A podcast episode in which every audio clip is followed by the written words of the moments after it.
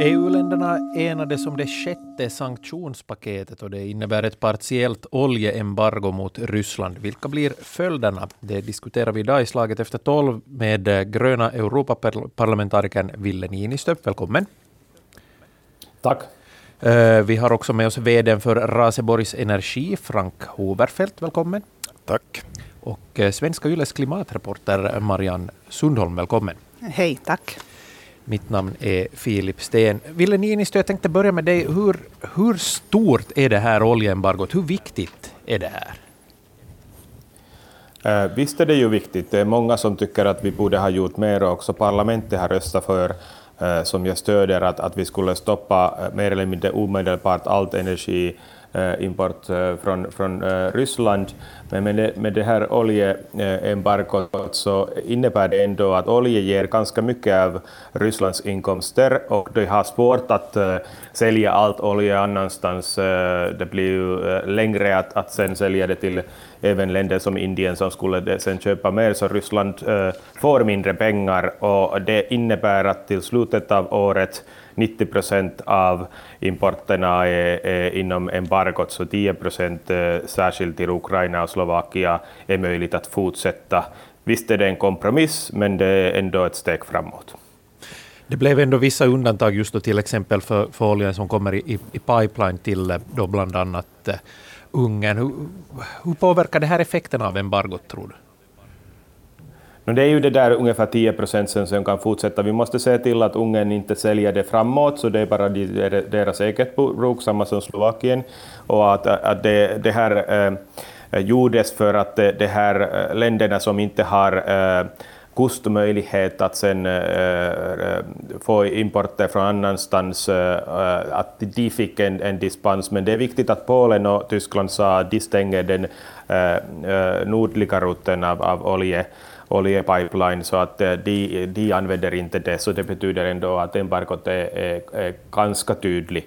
Men visst är det ju lite sådär det finns risker i det att eh, Orban börjar eh, glida eh, ifrån den liksom, stora solidariteten som EU har visat mot, till, till Ukraina och mot Rysslands agerande. Så, så, så det, jag tycker att det finns risker att, att, att om EU är inte nu tillräckligt tydlig att, att Putin utnyttjar alla, alla svagheter som finns här. Mm. Eh, Frank Hoverfeldt, du är VD för eh, Raseborgs Energi. Hur ser du på det här oljeembargot? No, jag tror ju nog att de flesta i Finland håller med om att det här är, är, är någonting som behövs. Om man ser på EUs möjligheter att, att bromsa Ryssland så, så är kanske de här verktygen ändå mycket begränsade och, och, då är de ekonomiska sanktionerna säkert en av de, de skulle säga, viktigaste och mest effektiva i alla fall. Så jag har nog fullt förståelse för att man, man väljer att göra så här. Mm. Marianne Sundholm, vad, vad kan du dra för politiska slutsatser här vad Finland beträffar och det här oljeembargot? Nu, det har ju nog varit intressant att, att följa med hur det eh, alltså ändå har ganska snabbt uppstått en, en enighet mellan flera alltså, både inom regeringen och, också med, med ett stort eh, parti i opposition, Samlingspartiet, om, om eh, hur, det, hur brådskande det är att bli av med det här ryska energibehovet och hur snabbt den här äh, alltså, energiberoende, alltså hur snabbt den här diskussionen har skiftat efter, no, redan i, i vintras inleddes det ju när, när energipriserna steg, men, men hur fort det sen har gått efter kriget, i, kriget bröt ut, att, att det här är någonting som eh, så gott som alla partier tycker att det är viktigt och så gott som alla partier säger att, att vi ska frångå den, den, de, de fossila bränslena från Ryssland snabbare. Eh, sen är ju oljan, jag menar, vi har många större problem framför oss. Naturgasen blir det betydligt svårare för, för EU att, att enas om att, att bli av med. Och, och i Finland har vi frågan om, om biomassa och träbränsle där användning, användningen kommer att öka. Och det kommer säkert att bli stora diskussioner om det också. Men eh, det här är ju en start frustrerande långsamt tycker jag nog att det har gått den här våren ändå att komma överens, fast man ser en stor enighet i, i EU. Men, men man ser ju också att alla länder har så väldigt, väldigt olika behov att det ändå sen är, eh, känns det svårt att komma överens om de här sakerna. Du, du säger frustrerande långsamt, men, men eh, är det är inte tvärtom risken att det, det liksom händer lite för mycket på en gång här? Hur, att, eh, för... Att det, att det blir väldigt bråttom nu med att fasa ut de här ryska energikällorna. Mm, men jag, jag, känner på något sätt ändå när, när, när man ser på diskussionen, åtminstone här i Finland, alltså hur stor solidaritet folk ändå känner med Ukraina. Och, och många ändå pratar om, också till och med i Tyskland där naturgasberoende är stort, om att man är villig att eh, frysa lite i vinter om, om Ryssland får mindre pengar till sitt krig, så undrar jag liksom att, att skulle det kanske ändå finnas stöd för en ännu, ännu snabbare mm. eh, väg framåt här. Kommentarer på det, Ville Niinistö?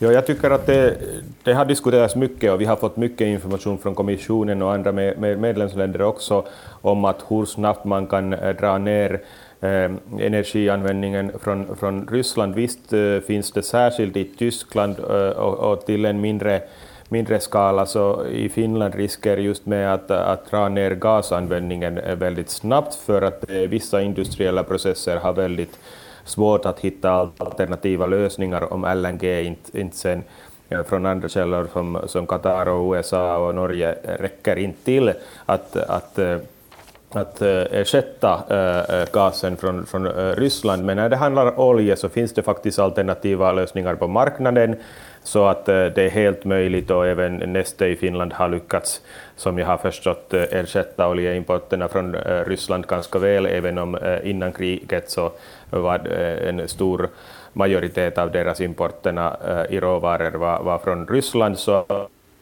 fort och eh, i gas så det är viktigt att också eh, få samma eh, förbud för importerna i gas, för gas är ännu viktigare för Ryssland på det sättet att, att de har inte så mycket alternativa lösningar. De har inga, inte tillräckligt med LNG, eh, oljetankerkapacitet, så att de kan inte sälja till, till andra om EU eh, stoppar använda rysk gas. Men där måste vi se till att vi, vi satsar på kort sikt på alternativa lösningar från andra källor av gas, men också på lång sikt investera på förnybart uh, energi, energieffektivitet och också det här med att veteinvesteringar eh, går, går framåt så att det kan ersätta sen på långt sikt fossila bränslen där elektrifieringen är inte möjligt. Mm. Frank Hoverfeldt. Ja, ska säga, jag tror att, att vi är flesta är väl eniga, eniga om det här, att den här oljan är väl kanske den här lättare biten jämfört med, jämfört med gasen och, och, och det där i, ska säga, det är bra att ta till de här så stränga sanktioner eller så begränsningar som möjligt nu när vi har, står inför sommaren. Sommarhalvåret är ändå lättare. vi vet att en stor del av, av Europa värms upp av av gas, av, av främst rysk gas. Och, och, och, att lösa den, den problematiken eh, fram till vintern så är ju nog den här stora utmaningen. Ja, vilka, vilka realistiska möjligheter finns det att lösa den ekvationen? Det som nu pratas om och som ju säkert det här första alternativet är, är LNG, att försöka, försöka få in Mm, ska säga, andra rutter. Vi vet att det finns andra, andra rutter också. Vi kan få från Norge, Norge, Norge kan vi få, vi kan få från, från de här brittiska öarna, det finns i Nordafrika finns det, finns det också möjligheter. Men, men sen då framförallt att, att importera i, i, i vätskeform, naturgas i vätskeform med LNG och, och den infrastrukturen behöver ju nog förstärkas med väldigt snabb takt. Och där, där, där finns det mycket jobb att göra. Mm. Men om man ser på, på liksom, uh, hela bilden här, så vi slutar, vi slutar importera rysk olja, vi slutar importera rysk gas, vi slutar också importera rysk el, eller den har ju de facto uh, slutat redan, den el, elimporten. Uh, vem kommer att drabbas i den här omställningen? Alltså det kan ju inte gå helt smärtfritt förbi. Är det någon som vill svara? Jag kan, jag kan börja, börja om det. Alltså jag tror ju alla, alla påverkas, ju, alla drabbas av, av det att man, man stryper åt energikranarna. Och, och, det, där jag menar, det som nu händer till först är förstås det om utbudet minskar och efterfrågan inte minskar i samma takt att priserna går upp. Och, och det har man ju redan då, redan då märkt att om man jämför med men till exempel ett år tillbaka så elpriset är nu ungefär nästan det dubbla jämfört med vad det var för ett år sedan. Och okay, det beror nog inte bara förstås på den här Rysslandssituationen, det finns andra saker också som påverkar. Eh, uppvärmningsoljan har gått upp med 70 procent ungefär, eller över 70 procent till och med på, sen, sen ett år tillbaka. Så det är klart liksom att, att de här konsekvenserna liksom syns och när man stryper åt oljan och, och, och de här energikällorna från Ryssland så, så underlättas ju åtminstone inte den situationen utan tvärtom så, så blir det nog bara, bara mera utmanande. Och alla behöver energi, det ska vi komma ihåg. Att, och därför, därför så drabbas ju också alla alla på ett eller annat sätt. Och, och, och sen, då, och sen är det ju förstås, vem, vem, väljer man att lyfta fram så det är väl lite politiskt det att säga att kör man högerpolitik så säger man att industrin använder en stor del av Finlands energi och, och drabbas hårt och arbetsplatser i fara och så här vidare och, och, och de borde man stödja. Och, men sen å andra sidan så kör man, kör man det här vänsterpolitik så kan man ju, kan man ju hävda att, att låginkomsttagarna är de som drabbar förhållandevis hårdast. Att man tänker på att uppvärmningskostnaderna för ett egnahemshus stiger från 1500 till 3000 euro per, per år. Det här så är det betydligt svårare att fixa det om man, om man tjänar 20 000 euro per år jämfört med att man tjänar 100 000. Att, att det är ju helt det där sen att vem väljer man att lyfta fram men att alla, alla drabbas, vi alla påverkas av det här. Eh, det, det är helt klart. Eh, sen kan jag också inflika med att, det, att när priserna stiger, stiger på det sättet som det gör nu, så det, det sätter nog också fart sen på saker och ting. Att, att det som man nu till exempel nu har märkt, märkt det är att jag tror att den här slutspurten till exempel för att bli av med oljevärme så har nog kommit igång nu ordentligt. Att det finns ju ändå fortfarande ganska många oljeuppvärmda hus i det här landet och, och, och, alla de funderar nog nu, senast nu så funderar de på att byta ut sin, sin oljevärme mot, mot annat. Och det märker vi nog helt här på lokala planet också jättetydligt. Om, om jag får komma in här också så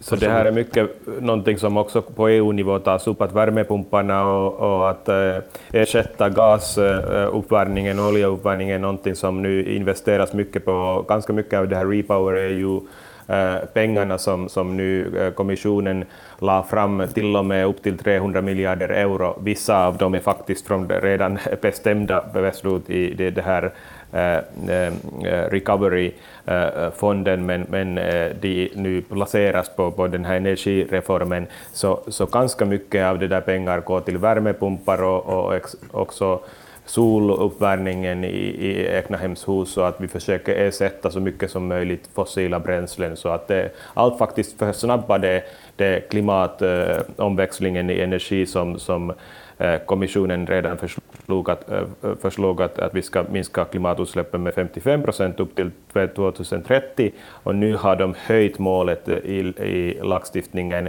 för förnybar energi och energieffektiviseringen upp till 2030 ganska markant. Så att, att, att här ser man att, att liksom klimatåtgärder och eh, säkerhet faktiskt går hand i hand, att, att vi får bli mer energisjälvförsörjande. Så det är viktigt att vi inte bara använder pengar för, för att köpa LNG från annanstans, för det blir dyrare än att investera sen till egna lösningar. Och det hoppas jag att i Finland också nu folk inser att, att i, i flesta fall är, ger det pengarna tillbaka redan inom fem, fem år om man investerar till, till att byta ut oljepannan till exempel. Mm. Det var jättemycket fokus på just den här, det här flytande LNG-terminalen och, och, nya sätt att få in naturgas. Men jag menar, naturgasen i Finland står för, för 6 procent av vår, våra energikällor. Att vi har ju inte alls samma problem som många andra länder i Europa har. Och, och jag tycker i den här diskussionen glöms det bort lite att de här hundratals eh, miljonerna som, som går till att säkra energiförsörjningen och, och bli av med det ryska, ryska beroendet Eh, också innehåller många satsningar på, på förnybar energi och på vätgas och batterisatsningar och på stöd till vindkraft och så här. Att, att eh, det kommer vi nog säkert att börja prata mer och mer om och, och, och samtidigt har vi ju en utveckling där de här förnybara eh, alternativen blir billigare hela tiden. Solenergin sjunker i pris något otroligt. Och, och jag menar, vi, vi kommer att se jättestora förändringar och förhoppningsvis så är det här, den här krisen en som, som påskyndar den här gröna omställningen. Eh, men, men just nu så, så är ju diskussionen nog jättefokuserad på att hitta de här mm, akuta eh, lösningarna och då, då är det ju, alltså just nu handlar det ju om att hitta ersättande fossila källor väldigt mycket och, och det eh, jag skulle inte vilja komma vidare till, till det där nästa diskussionen om nästa steg och, och hur man överhuvudtaget ska bli av. Jag menar, EUs energipalett består till 70 procent av fossila bränslen. Att, det här, att vi överhuvudtaget är i det här läget är ju resultatet av eh, en lång utveckling som har gått åt fel håll.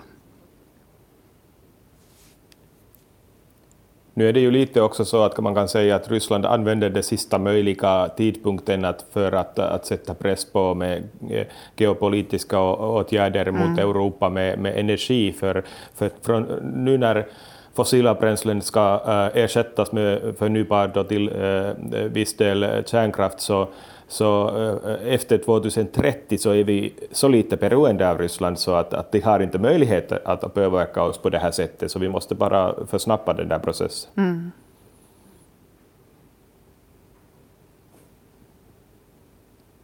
Den här... Utvecklingen, den här teknologin.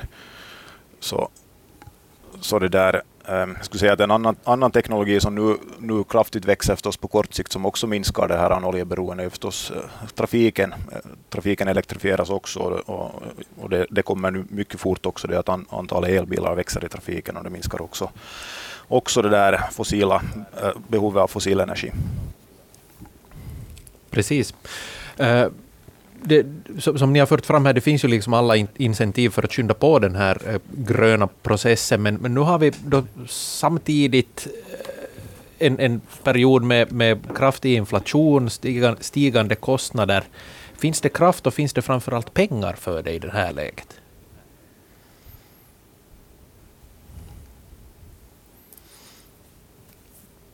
Hör ni mig? jag, kan, jag kan svara här från Europas håll, så att, att, att det diskuteras mycket att, att hur inflation, hur, hur seriöst det är. Jag, jag har träffat eh, Europeiska centralbankens vice eh, eh direktör just nyligen och, och diskuterat det här. Jag tror ändå att det mest sannolika är att, att energiprishöjningen har varit så kraftig och sen kom kriget därefter, så det, effekten på, på matpriserna kommer därifrån. Så det här kommer att att höja inflation för nästa år eh, ganska rejält, men det mest sannolika ännu är att vi undviker en, en recession eh, och depression och, och sen, sen, eh, inflationen blir ju lägre för energipriserna kan inte höja inflationen flera år i rad. Den ökningen är redan inne där så det, det försvinner inom ett år för eh, prisökningen fortsätter inte längre. Men risken är att, att att eh, för tillfället så minskade investeringar, nyinvesteringar så mycket och om bankerna överreagerar och, och stoppar eh, möjligheten att ge pengar till, till företag att investera, så då har vi problem, för vi behöver de här investeringarna just på nya energilösningar. Så att jag tror att större risk nu är att vi stoppar investeringar eh, på kort sikt och skapar en, en depression på grund av det. Men inflation mest sannolikt fortfarande är under kontroll inom ett år. Jag tror också det där att, att, vi har ju haft i alla fall investeringar på gång redan hela tiden i, just i den här riktningen. Det har funnits, funnits projekt som har liksom planerats och det, det, man, man driver igenom investeringar. Jag tror bara att den här processen nu försnabbas för nu finns det ännu större ekonomiska incentiv för att göra de här investeringarna. Marianne Sundholm. Nej, det, alltså, han sa, energiindustrins VD Jukka Leskala sa också i en intervju för oss häromdagen att, att största priseffekten redan har setts. Att, att det inte liksom efter det här, att energipriserna har stigit så mycket att efter det här kommer man kanske inte att se så hemskt stora eh, höjningar längre. Vi, vi är väl uppe i, i höj, eh, ett för, nästan 40 procent högre pris redan. Eh, sen eh, lite tycker jag man ser det här i rubrikerna i Finland att, att det, det pratas om hur stor inflationen är och, och hur att livsmedelspriserna har gått upp så mycket. Och, och det är så jobbigt för oss att bli av med naturgasen och så glöms det bort att, att det är många andra länder som har en mycket värre situation. I Estland ligger inflationen på 20 procent. Uh, att nu skulle det vara jätteviktigt att uh, när man en gång ska stå som enad front och, och komma överens om sanktioner mot Ryssland tillsammans, att uh, faktiskt ha koll på vad läget är i de andra länderna och, och Eh, öka förståelsen för varför, varför det blir svårt att, att komma överens om saker och ting när, när länder har så väldigt olika utgångsläge redan med sin eh, energipalett till exempel. Att, att på något sätt minnas det där andra det där europeiska perspektivet och inte, inte bara mm, fokusera på hur, eh, hur det ser ut i Finland. För att eh, det är viktigt att komma överens tillsammans om, om vägen framåt.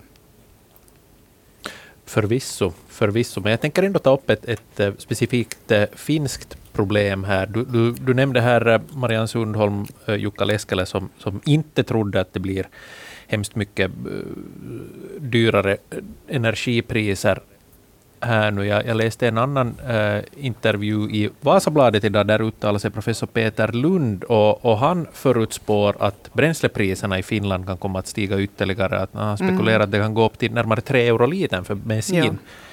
Eh, i sommar. Och bränslepriserna brukar ju annars också stiga till sommaren och i kombination med det här rådande världsläget så va, va, va, vad säger ni, håller ni med Peter Lund där, att kan vi befara ytterligare prishöjningar? Det säger ju nog många, alltså det är tre år har jag hört, hört på många, många håll. Samtidigt tycker jag det, det är intressant.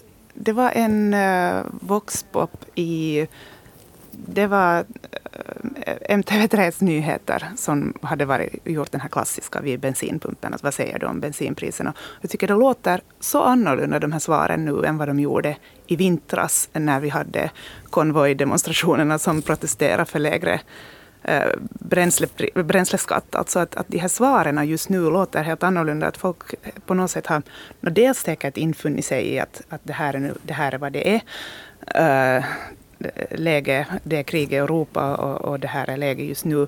Men också på något sätt kanske känner en, en solidaritet och inte, inte ropar efter lägre bränslepris eftersom det finns en förståelse för att det, det betyder att, att vi är, vi är liksom eller att vi, vi har varit så beroende av, av de ryska, uh, ryska bränslena. Uh, sen vet jag inte, alltså, det som vi ju inte har pratat så mycket om här, alltså, när det gäller trafiken, är, är alternativ till att åka bil. Alltså, där är ju Tyskland ett, sätter ett väldigt gott exempel med sin billiga kollektivtrafik för hela sommaren som ett alternativ till att betala, för, betala höga pris för att köra bil. Mm, jag, tror, jag tror ju att med tre euro litern för bensinen så blir många alternativ ganska attraktiva för, mm. för gemene man. Men, men eh, vad, vad säger du Frank Hoverfeldt? No, så är det förstås att, när priserna går upp så söker man andra alternativ och kollektivtrafiken förstås är jätte, jättebra bra sak och, har man lite kortare avstånd så kanske man tar cykeln åtminstone sommarhalvåret och gärna kanske vinterhalvåret också. Men finns det ju alltid, sen ska vi komma ihåg de också som, som, som kanske inte har liksom realistiska alternativ liksom lika mycket mm. och, och kanske de som man också borde fundera på att hur ska de göra. Som, som helt enkelt måste komma till jobbet och, och har inte så mycket annat än bil att ta sig till eller, eller på annat sätt är beroende av att röra sig långa sträckor.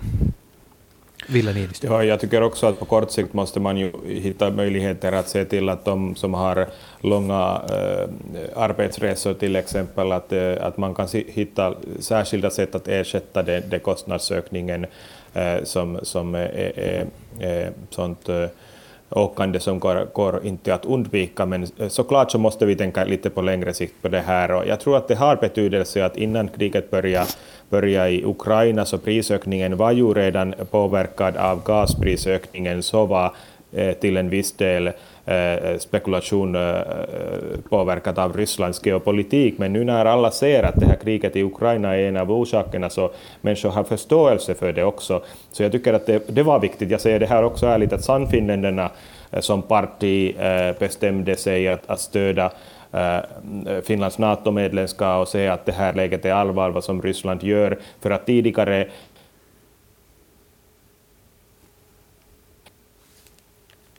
Nu verkar vi ha tappat i Finland ja. Eh, som, som handlade om att energiprisökningen på något sätt hade eh, varit regeringens fel. Och, och,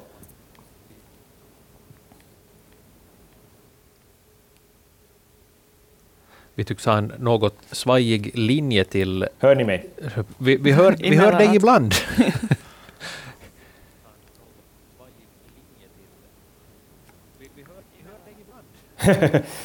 Ja, jag vet inte vad som, vad som händer här, men jag tänkte säga att, att på lång sikt är det ju viktigt att, att vi får alternativa lösningar, att behöva vara mindre oljeberoende och, och, och att elektrifieringen av trafiken eh, går framåt, för det kommer att vara prismässigt också eh, mer hållbart för, för konsumenter i Finland och, och att öka, öka bil är möjligt på landsbygden på 2030-talet med lägre pris om man fortsätter med elektrifieringen av trafiken.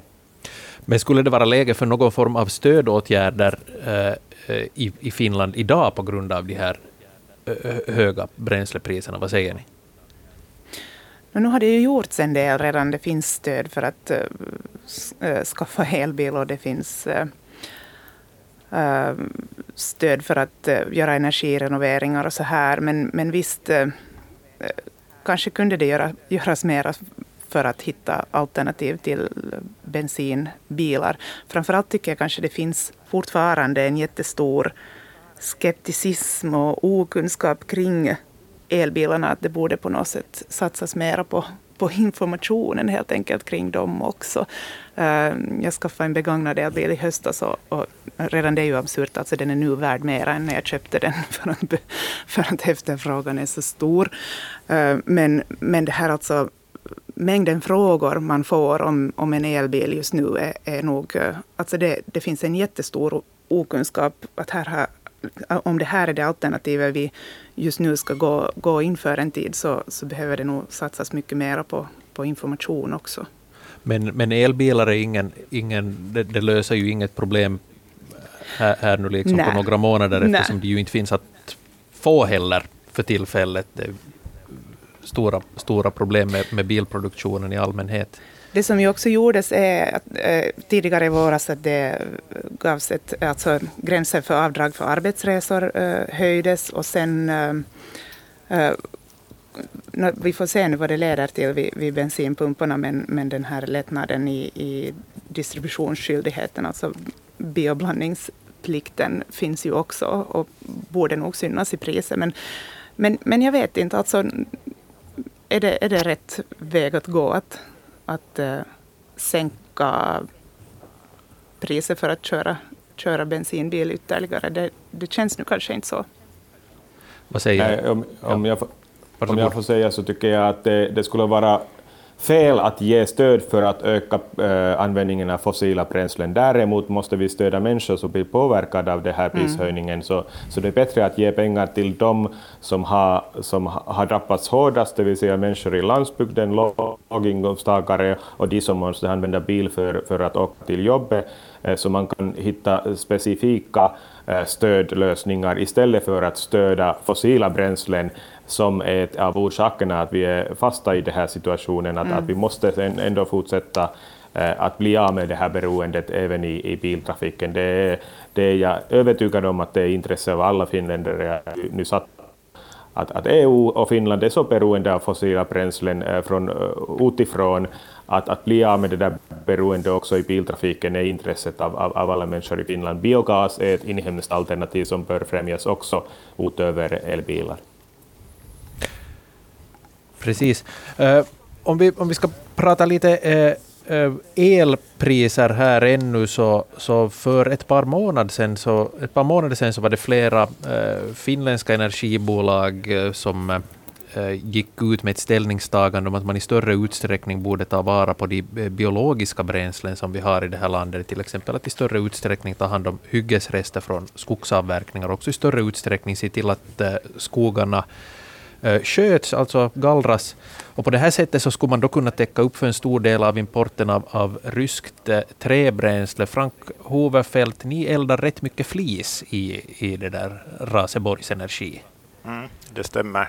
Det stämmer. Det eh, 98 procent av, av våra bränslen är, är inhemska biobränslen, främst då träbränslen som kommer, kommer från skogen. Det är allt från trä, träförädlingsindustrins restprodukter till hyggesrester, och, det vill säga olika typer av, av restprodukter egentligen som kommer från skogen. Och, och, och säkert tror jag ju att, att eh, för att eh, kompensera det där bortfallet av importenergi så behöver vi åtminstone tillfälligt öka, öka användningen också av inhemska biobränslen. Det är ju, ska vi säga, också på, på längre sikt så måste man liksom fundera på de här eh, själv, energi självförsörjande graden och, och den vägen och, och, och liksom värna om de här inhemska bränslena som vi har.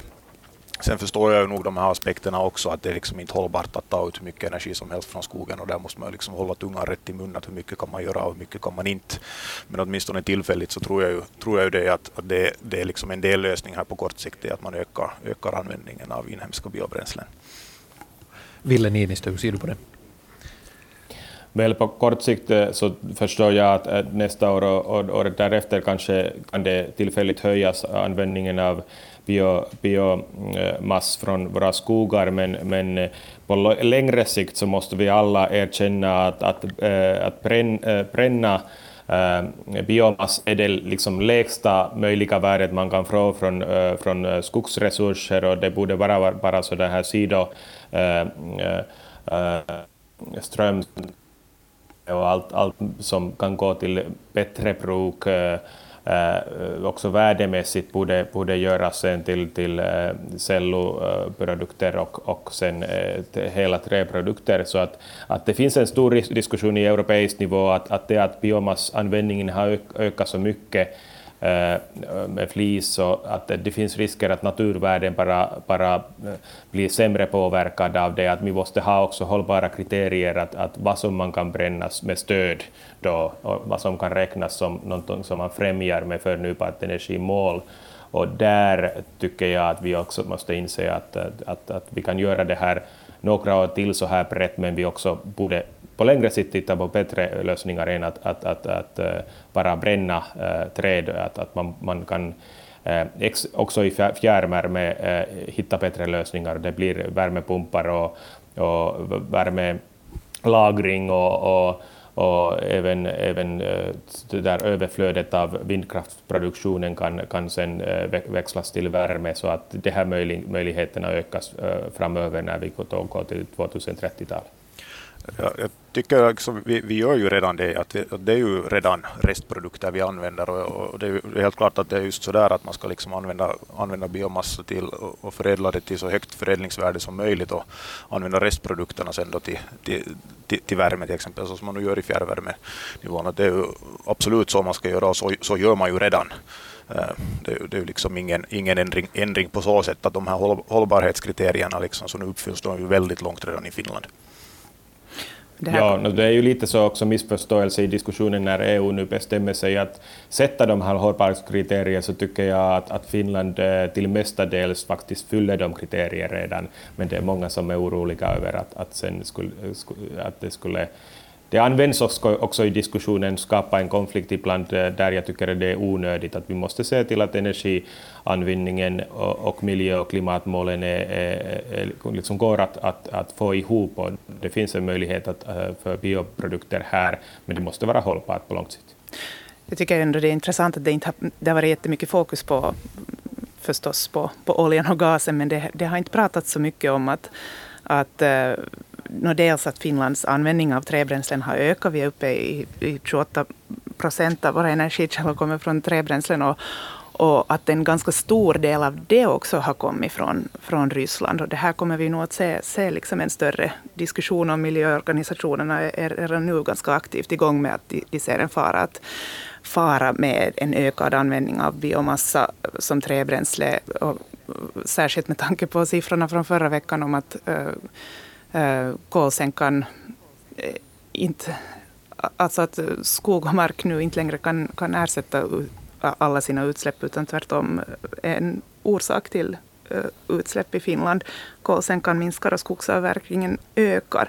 Men eh, det, ja, så det, här, det här kommer vi säkert att, att se större diskussioner om. Och sen det som ju både Peter Lund och eh, IEA påminner om eller ser som en ganska stor del av lösningen som jag tycker vi inte heller diskuterar särskilt mycket är det här att spara energi och, och energieffektivering helt enkelt. Att det, särskilt när temperaturerna uh, går ner till vintern så kommer vi säkert se en, en jättemycket större diskussion om det. Den som eh, lever får se det till till hösten då. Jag säger eh, tack till eh, Marianne Sundholm på Svenska Yle. Tack också Frank Håberfeldt som är VD för eh, Raseborgs Energi och tack, tack Europaparlamentariker Ville Niinistö. Mitt namn tack. är Filip Sten och Slaget efter tolv är tillbaka imorgon.